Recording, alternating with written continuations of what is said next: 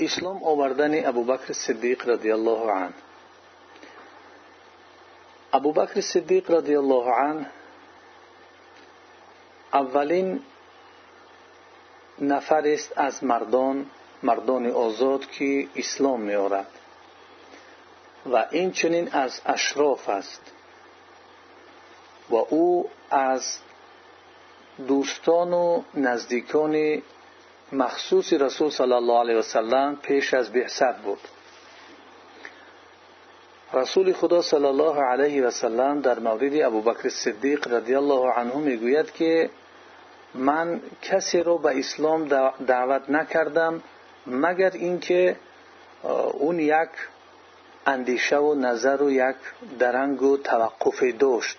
مگر ابوبکر که وقتی او را دعوت کردم سرعت گرفت و متردد و دو دیله نشد و یعنی در فکر فرو نرفت.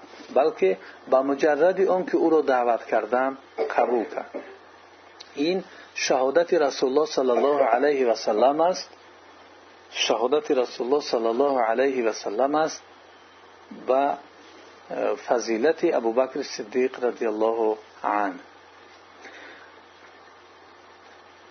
ابوبکر صدیق رضی الله عنه از چگونه که گفتیم دوستان رسول الله صلی الله علیه و سلم بود و این از حسنه و نیکی های انجام داده رسول صلی الله علیه و سلم است چون که اسلام آوردن او با منزله اسلام آوردن یک مرد نبود بلکه اسلام آوردن او به منزله اسلام آوردن یک امت بود.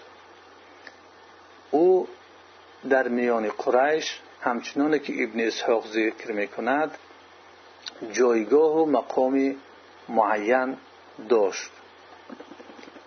خب او ذکر می‌کند که در میان قومش یک مرد بسیار الفت میگرفتگی و کسی که او را دوست می داشتند و مناسبت با او بسیار آسان بود چنین خصلت ها داشت. و این چنین فرموده است که از جهت نسب در قریش از همه دیده نسب بلند یا با تر بود. و این چنین داناترین قریش در مورد نسب ها بود. و آنچه که از خیر و شر در اون نسب ها بود. همه آنها را ابوبکر صدیق رضی الله عنه می‌دونست. و این چنین ابوبکر صدیق رضی الله عنه مرد تاجر بود. این چنین او دارای اخلاق و نیکی ها بود. انسان خوب و انسان دارای اخلاق نیک بود. این چنین ابوبکر صدیق رضی الله عنه شخصی بود که مردانی از قومش به نزد او می و با او الفت می گرفتند اونس می نه به یک کار مخصوص بلکه با از چند جهت به پیش او می از جهت علمش از جهت تجارتش از جهت همنشین خوب بودنش و امثال اینها یعنی با ابوبکر صدیق رضی الله عنه به نزدش انسان ها می اومدن از این جهت ابوبکر صدیق رضی الله عنه یک گنج از گنجینه ها بود که الله سبحانه و تعالی او را برای پیامبرش ذخیره کرده بود. و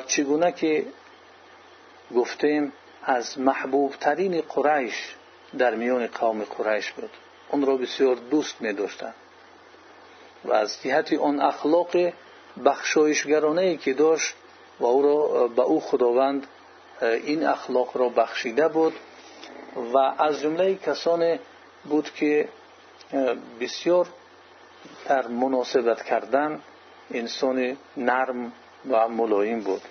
از کسانی بود که اونس می گرفت و دیگران با او اونس می گرفتن اخلاق بسیار نکو حمیده و بخشایشگر داشت. و این اخلاق حمیدهش خودش به تنهاییش کفایه بود که مردم با او الفت بگیرند با او اونس بگیرند با او رابطه و مناسبت بکنند اون کسی است که رسول خدا صلی الله علیه و سلم در مورد او گفته است ارحم امتی بی امتی ابو بکر رضی الله عنه. رحم خورترین امت من به امتم یعنی کسی که برای امت من با رحمترین است در امتم این ابو بکر است. این بس این هم شهادت رسول صلی الله علیه و سلم نسبت ابو بکر صدیق رضی الله عنه است که با رحم ترین یا رحم خورترین امتم برای امتم ابو بکر صدیق رضی الله عنه علم نسب یا انصاب دانستن پدرها و باباها که از کدام آیله است و امثال اینها و علم تاریخ در نزد عرب ها بسیار از جمله علم های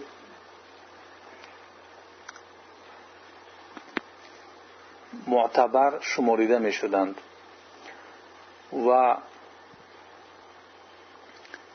ابو بکر صدیق رضی الله عنه در علم انصاب و در علم تاریخ بسیار ورزیده بود و بسیار دانا بود به این دو علم. از این جهت قریش نسبت ابو بکر صدیق رضی الله عنه که داناترین آنها نسبت علم انصاب یا نسب ها و این چنین داناترین آنها نسبت به تاریخ بود از این جهت او را اعتراف می‌کردند. همه جهت تاریخی که چی خوبی هایی که داشتن چی بدی هایی که داشتن اون تاریخ رو می‌دونست و واقف بود.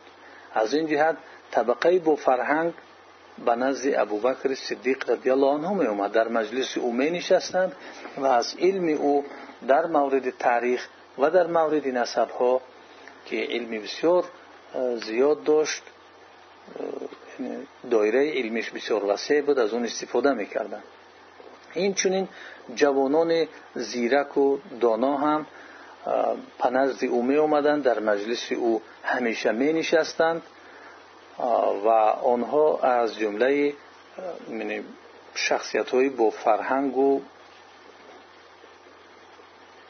شخصیت های یعنی بسیار اشرافی اون مکه بودند و دوست می داشتند که این علم ها را از ابوبکر صدیق رضی الله عنه بگیرند. خب این یکی از جانب های بزرگی حضرت ابوبکر صدیق رضی الله عنه است. و این چونین طبقه رجال الاعمال یا یعنی کسانی که business یا سودا و امثال اینها قطعی علاقه مندند business man و هم یعنی رجال الاعمال کسانی که به تجارت و سودا مشغول بودند اونها هم با اونهایی که دارای مال در مکه بودند اینچنین در مجلس ابوبکر صدیق رضی الله عنه شش و خیز می‌کردند و با او را یعنی با او دود و گریفت داشتند گرچنده که ابوبکر صدیق رضی الله عنه در تجارت شخص اول در مکه نبود ولی از مشهورترین تاجران به شمار می‌رفت. این چنین انسان هایی که منفعت های مختلفی می‌خواستند در زندگی به نزد ابوبکر صدیق رضی الله عنه می و انسان خوب بود. از این جهت به نزد او می اومدن و اون خواهشات اون منفعت هایی که در زندگی می‌خواستند از او طلب می‌کردند یا با او مناسبت می‌کردند این چونین آمه مردم را هم با آنها نشست و خیز می‌کرد آمه مردم هم به خانه او می‌رفتند و می اومدند زیرا که اون بسیار مهمان نواز بود. چگونه گفتیم اخلاق خوب و این چونین مهمان نواز که بود و به آمدن مهمانهایش بسیار خرسند می‌شد. از این جهت مردم با او اونس می‌گرفتند الفت می‌گرفتند و رفت و آمد نسبت خانه ابوبکر صدیق رضی الله عنه می‌کردند. پس هر طبقه از طبقه های جامعه مکی را می‌بینیم که نصیب خود را در ابوبکر صدیق رضوان الله تعالی علیه پیدا می‌کرد. یعنی چیزی که می‌خواست در ابوبکر صدیق رضی الله عنه از یعنی در اون بود.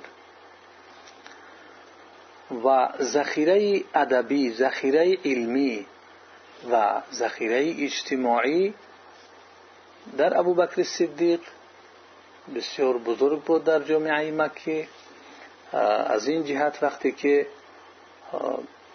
به اسلام آمد و در راه دعوت به اسلام قدم نهاد بهترین انسان ها او را قبول کردند و از جمله بهترین انسان هایی که دعوت او را به اسلام قبول کردند عبارتند از عثمان ابن عفان رضی الله عنه که در سی و چهار سالگی خود اسلام را قبول کرد.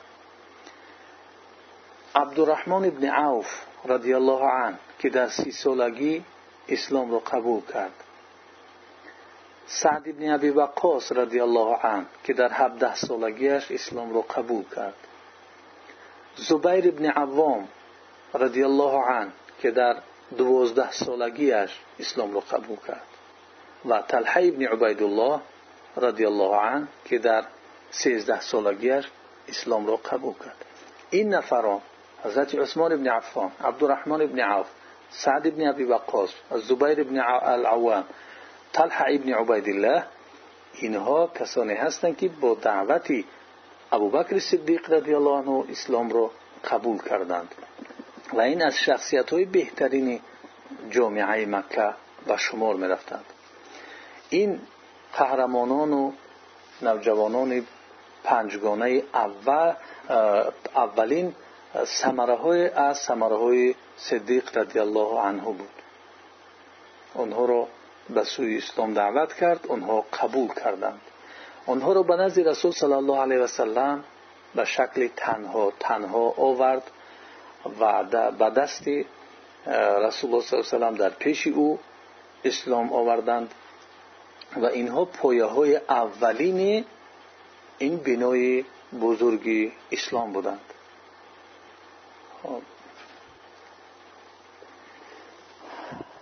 و اینها اولین شخصیت ها اولین پایه های بودند که پیامبر صلی الله علیه و سلم رو هم تقویت بخشیدند و خداوند با واسطه آنها رسول الله صلی الله علیه و سلم رو عزت داد تأیید نمود و بعد از آنها دیگر مردم در دین خداوند گروه گروه داخل می شدند. زنها مردها و امثال اینها. و همه اینها که ذکر کردیم از شخصیت های اول یا در صف اول اسلام بودند. و با همراهی اینها گروه سابقین که روی آوردن به شکل تنها یا دو نفری یا یک جماعت خورده به اسلام روی می آوردن که اینها سبب اسلام آوردن آنها بودند. و آنها در اسلام آوردن سابقین آن گروه اولی که بود از مسلمانان سهمی بزرگ گذاشتگی هستند. با وجود اینکه آنها عددشون کم بود ولی یعنی گروه بسیار خوب این شخصیت های ورزیده شخصیت های بهترین جامعه مکه بودند. در این گروه دعوت و در قلعه رسالت رسول الله صلی الله علیه وسلم که یگان کسی با آنها دیگر سبقت نکرده بود و با آنها هم در تاریخ اسلام نرسیده است. در حقیقت حرکت کردن ابوبکر صدیق رضی الله عنه در دعوت راه خدا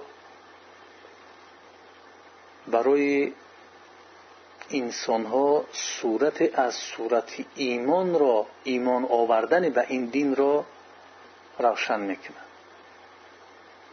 یعنی وقتی که ابوبکر صدیق رضی الله عنه با این دعوت راه خدا با این اسلام حرکت کرد این شخص نشان داد که کسی که به این دین ایمان می آرد چگونه انسان باشد. وقتی که خدا را قبول کرد وقتی رسول خدا صلی الله علیه را قبول کرد این یک صورت مؤمنی بود که دیگر بعد قبول کردن خدا و رسول خدا و دین او یک مؤمنی بود که دیگر قرار نداشت. دیگر یعنی آرامش یعنی فکری هم نداشت. تا اینکه در این دنیای مردم به آن چیزی که ایمان آورده بود آن را عملی نکرد دیگر قرار نگرفت. آن چیزی را که ایمان آورده است می‌خواست آن را در این دنیا به عمل برساند. و آن دعوت راه خدا بود. مردم را به سوی الله خواندن. مردم را به سوی جنت خواندن. مردم را به سوی سعادت خواندن. مردم را از بدبختی حذر کناندن. از آتش دوزخ و از قهر و غضب الهی حذر کناندن. یعنی این یک صورت عجیب یک صورت مؤمنی حقیقی و کامل را نشان داد که دیگر وقتی که ایمان آورد انسان مسلمان و انسان مؤمن که این به این دین ایمان آورده است این گونه باید باشد که دیگر قرار نداشت و فکر و اندیشه او دیگر آرام نمی‌گیرد تو اینکه با اون چیزی که مقصد داشت که خدا می‌خواست که در روی زمین باشد آن را در عمل جاری کند. اون کاری که از دستش می اومد تا آن را انجام نمی‌داد دیگر آرام نمی‌گیرد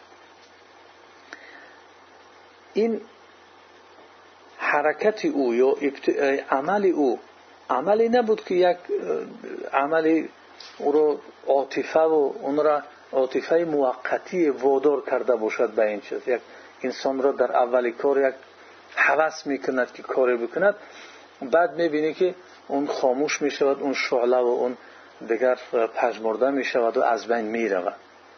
بسیار وقت می‌شود که یک انسان با یک شعله خوب یک کاری را انجام میتید با یک نشاط و با یک فعالیت خوب.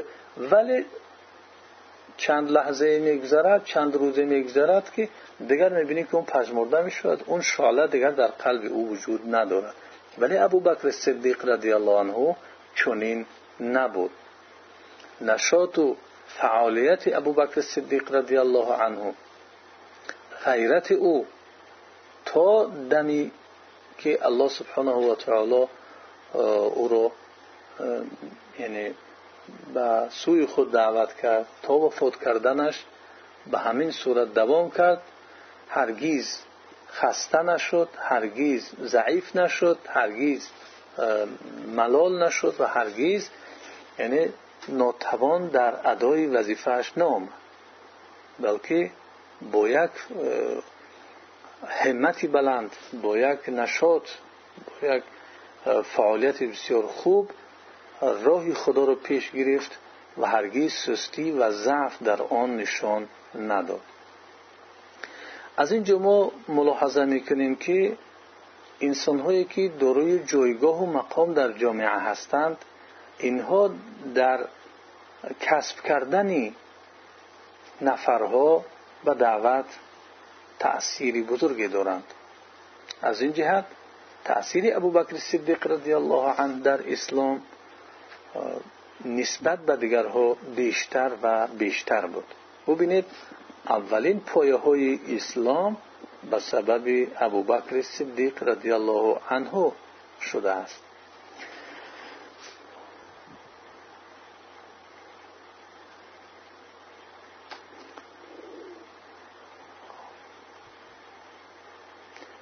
ابو بکر صدیق رضی الله عنه در دعوت رسول صلی الله علیه و سلم بسیار نقشی مهمی را داشت و اون کارهایی را که و تأثیری را که در دعوت رسول صلی الله علیه و سلم رساند و اونقدر دستگیری که رسول